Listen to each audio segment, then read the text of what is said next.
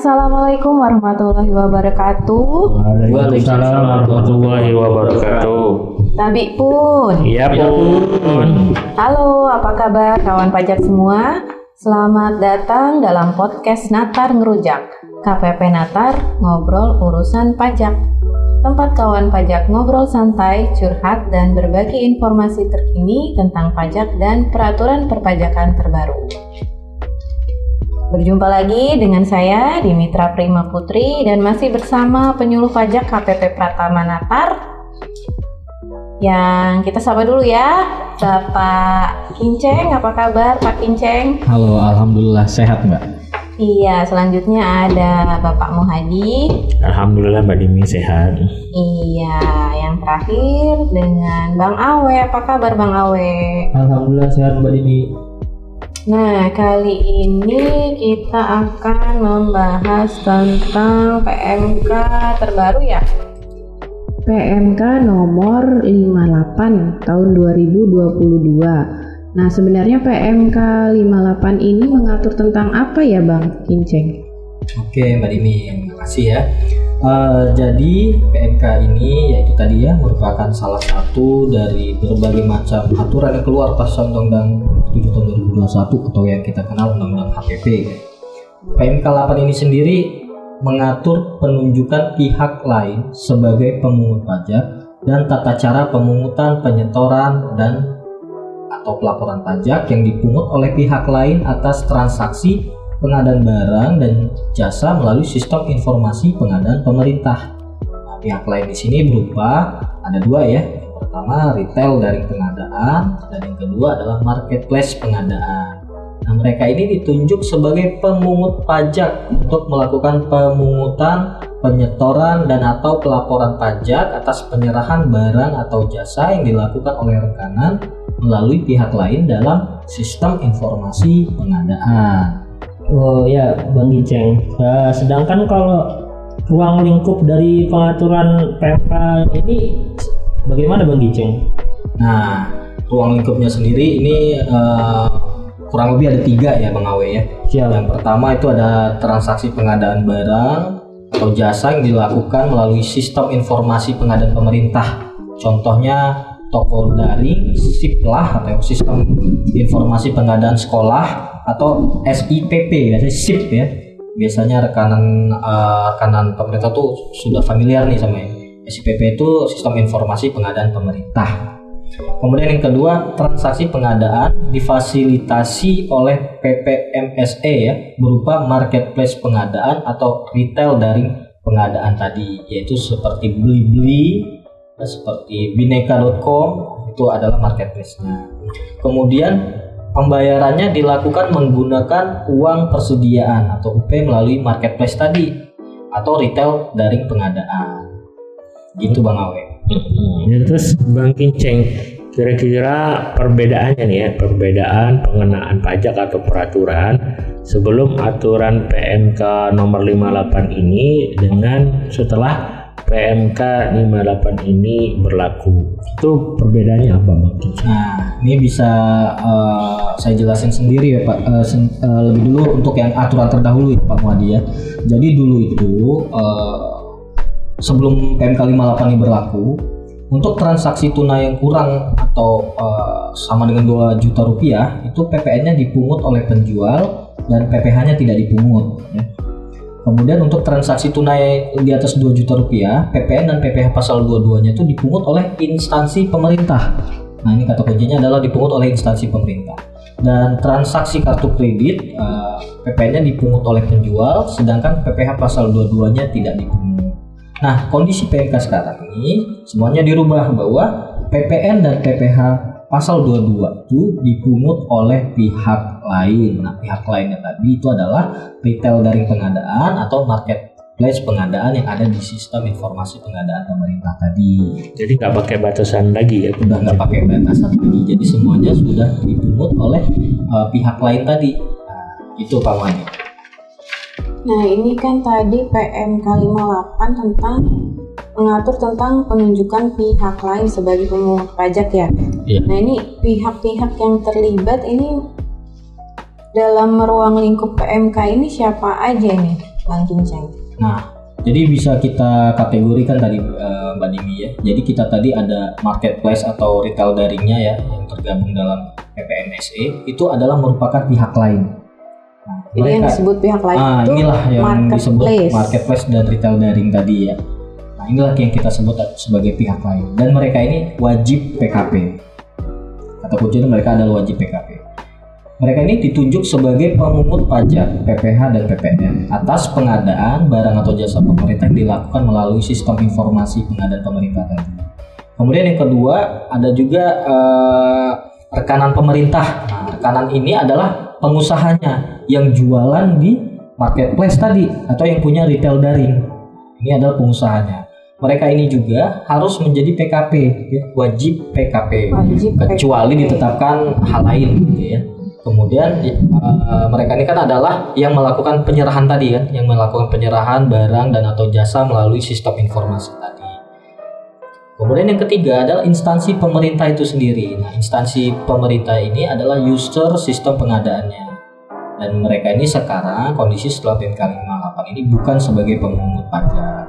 Instansi pemerintah ini kita udah tahu ya ada tiga, itu instansi pemerintah pusat, daerah, dan desa dan instansi pemerintah ini ya kita kenal sebagai pembelinya ya atau uh, pengguna barang atau jasa itu mbak instansi pemerintah merupakan uh, yang user di Usernya, iya. dalam aplikasi ya. apa P, PP, PMSE ya. bukan sebagai pemungut pajak. ya. Kalau transaksinya di sistem informasi sistem pengadaan informasi pengadaan itu saja ya. Tapi kalau di luar lingkup PMK ini oh masih iya tetap kalau ya? di luar lingkup PMK ini di luar uh, tadi di luar sistem tadi itu masih menjadi sebagai uh, pemungut ya sebagai musik hmm.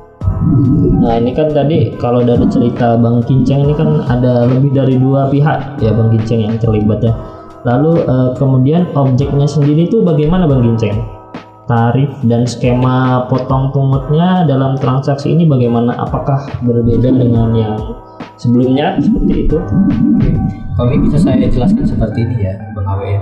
Untuk penyerahan BKP atau JKP oleh PKP rekanan pemerintah kepada instansi pemerintah melalui pihak lain tadi atau melalui marketplace atau retail daring tadi, itu dipungut uh, PPN 11% ya, PPN 11% dan PPNBM kecuali ada ketentuan lain ya dari seluruh nilai pembayaran dalam tagihan rekanan dalam invoice.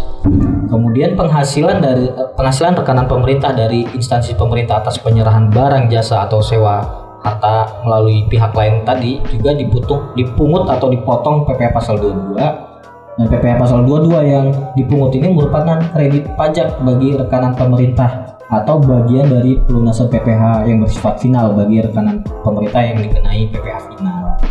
Nah, jadi yang dipungutnya dua tetap 11% PPN dengan ketentuan yang baru ya. Kemudian dipungut PPh pasal 22 0,5%. Nah, 0,5% ini bisa jadi kredit pajak bagi rekanan ataupun menjadi pelunasan PPh final bagi uh, rekanan yang termasuk uh, UMKM ya termasuk Betul. UMKM yang dikenai uh, eh, PPh final seperti itu. Oke, kalau ada pemungutan, kalau ada pembayaran pajak, tentu ada pelaporan pajak. Nah, gimana Bang Kinceng terkait pelaporan pajak eh, jual beli di marketplace ini? Oke, PPN dan PPh pasal 22 ini uh, yang pertama ya disetor oleh pihak lain tadi uh, Pak Muadi di store oleh pihak lain tiap masa pajak paling lambat tanggal 15 bulan berikutnya. Kemudian dilaporkan tiap masa pajak paling lama tanggal 20 uh, eh, paling lama 20 hari setelah akhir masa pajak oleh pihak lain tersebut.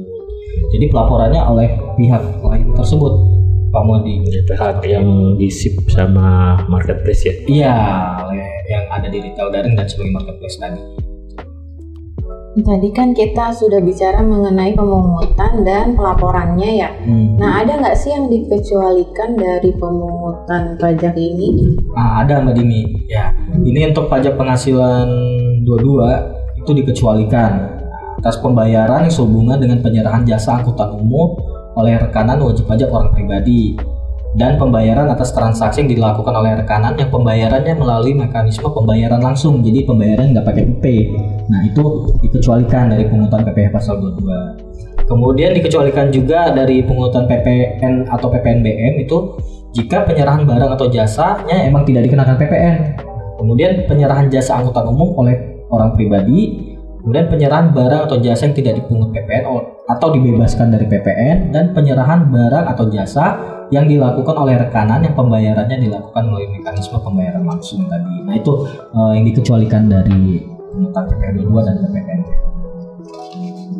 Nah ini kan uh, ada saya agak sedikit bingung nih Bang Kinceng perihal faktor dan penerbitan fakturnya. Itu nanti siapa yang buat faktur pajaknya ya Bang Kinceng? Mungkin bisa dijelaskan Bang Kinceng. Jadi Bang Awe uh, berbicara mengenai faktur, invoice yang diterbitkan melalui sistem PMSE pihak lain tersebut yaitu marketplace atau toko daring tersebut ya itu diperlakukan sebagai dokumen tertentu yang dipersamakan dengan faktur pajak Bang Awe. Oh, Jadi okay. invoice itu sendiri adalah faktur pajaknya. Okay. Dokumen yang dipersamakan uh, apa invoice tadi juga adalah dokumen yang dipersamakan juga dengan bukti pungut PPh. Jadi dia dipersamakan sebagai faktur pajak dan juga dipersamakan sebagai bukti pungut PPh pasal 22-nya. Nah, untuk invoice sendiri itu paling sedikit memuat nama dan NPWP rekanan, nama NPWP pembeli atau penerima jasa, nama dan NPWP pihak lain, yang pihak lainnya adalah pemotongnya, eh, pemungutnya, mohon maaf. Kemudian jenis barang atau jasa, seluruh nilai pembayaran, jumlah pajak penghasilan yang dipungut, jumlah PPN atau PPNBM yang dipungut, nomor dan tanggal pembuatan dokumen tagihan. Jadi invoice-nya inilah fakturnya gitu Bang Awe. Ya gini Bang Kiceng, masalah laporan lagi nih. Oke, Gimana sih secara detail cara pelaporan yang dilakukan oleh marketplace atau pengelola sistem informasi pengadaan ini untuk pajak-pajak yang telah dia pungut di masa pajak berjalan gitu Bang Kiceng. Nah, jadi kan tadi uh, PPN dan PP pasal 22 ini disetor oleh pihak lain tiap masa pajak ya paling lama tanggal 15 bulan berikutnya dan kemudian dilaporkan paling lama 20 hari setelah akhir masa pajak ya Pak Muhadi ya. Iya. Jadi kalau kita bayangkan ya pihak lain dia sebagai uh, pihak yang harus melaporkan pajak yang dipungut tadi PPH dan PPN termasuk PPNBM-nya itu melalui SPT masa unifikasi PPH dan SPT masa PPN 1107 Iya. Nah, jadi jelas ya, yang melakukan pelaporan adalah pihak lain melalui SPT masa unifikasi PPA dan SPT masa PPN 1107 put. Itu paling lama 20 hari setelah akhir masa pajak. Kemudian bagaimana dengan datanya? Nah, data invoice yang dibuat melalui sarana atau sistem pihak lain tadi itu dipertukarkan secara elektronik dengan DJP melalui saluran tertentu nanti yang ditentukan oleh DJP. Jadi data-data invoice dari pihak lain ini dipertukarkan dan oleh DJP. Jadi DJP bisa akses nih Pak Muadi. Nah, dalam hal tapi ini ada disclaimer ya. Nah, dalam hal SPT masa bagi pihak lain itu belum tersedia, maka SSP itu sama dengan SPT. Jadi kalau misalnya sistemnya mungkin nanti belum tersedia, belum dideploy, itu pembayarannya itu dianggap ketika dia membayar ya dia dianggap melapor. ya kayak pasal 25 iya, ya. nah, benar sekali Pak Madi cuma datanya nanti harus lapor nah, secara cuman nanti datanya itu ada pertukaran data dengan DJP sehingga DJP bisa akses juga. Hmm, jadi yang penting nanti marketplace nanti melapor dalam bentuk secara online kayak kalau iya, unifikasi PPH dan PPN 1107 putnya. Terima kasih Bang Kincing Nah, Bang Kinceng bisa digambarkan nggak nih gimana mekanisme pemungutan pajak oleh marketplace atau pihak lain ini? Mungkin dengan contoh kasus begitu? Nah, ini kira-kira gini ya, uh, para pendengar kawan pajak semua. Uh, ketika ada PKP merchant berjualan di sistem PPMS ya, sistemnya pihak lain ini, kita katakanlah uh, marketplace Z gitu ya, marketplace Z gitu dia akan dia jualan ya. Kemudian ada instansi pemerintah. Instansi pemerintah ini ingin mencari barang nih mungkin mencari laptop lah misalnya. Uh, dia mencarinya di sistem PPMSE ini di Siplah ini. Nah uh, merchant ini tadi menginput data NPWP dan uh, sudah diceklis ya sebagai PKP instansi pemerintah itu belanja melalui uh, Siplah tadi melalui PPMSE tadi. Kemudian marketplace ini membuat invoice. Jadi yang menerbitkan invoice-nya adalah marketplace ini tadi, marketplace-nya ini menerbitkan invoice. Nah, ketika invoice sudah diterbitkan, marketplace meneruskan uang dari instansi pemerintah dikurangi PPh pasal 22 dan PPN yang dipungut. Nah, nanti barangnya langsung dikirim ke instansi pemerintah. Nah, marketplace ini tadi harus menyetor PPh 0, PPh pasal 22 tadi ya 0,5% dan PPN sebesar 11% yang sudah dipungut. Nah, kemudian marketplace melaporkan PPN yang dipungut dalam SPT masa PPN 1107 put dan PPN yang dipungut dalam SPT masa PPH unifikasi. Kira-kira seperti itu.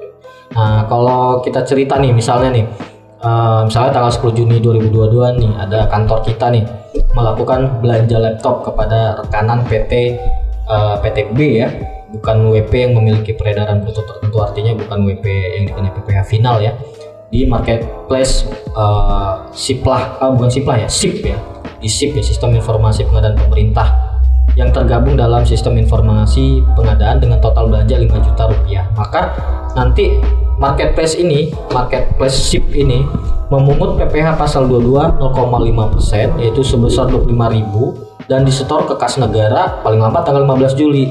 Kemudian marketplace ini juga harus melapor PPh telah dipungut paling lambat 20 Juli 2022 ya kira-kira kayak gitu sih ininya uh, transaksinya nanti. Mungkin uh, perlu saya tegaskan juga bedanya marketplace sama ini ya retail daring ya. Karena tadi saya uh, bicara marketplace dan retail daring. Kalau marketplace itu tempat berkumpulnya para pedagang ya. Jadi kayak kalau kita kayak kalau di sistem pengadaan pemerintah itu ya SIPP, Siplah, di situ banyak pedagang masuk di situ dan Sipla itu sendiri sebenarnya uh, tergabung dalam sistem pengadaan Sipla itu banyak gitu. Ada Blibli misalnya ada apalagi ya? Tokopedia. uh, Tokopedia masuk ya? Tokopedia kemudian juga ada yang saya tahu Bineka ya Bineka.com itu tergabung di dalam uh, Sipla itu sendiri. Itu adalah marketplace.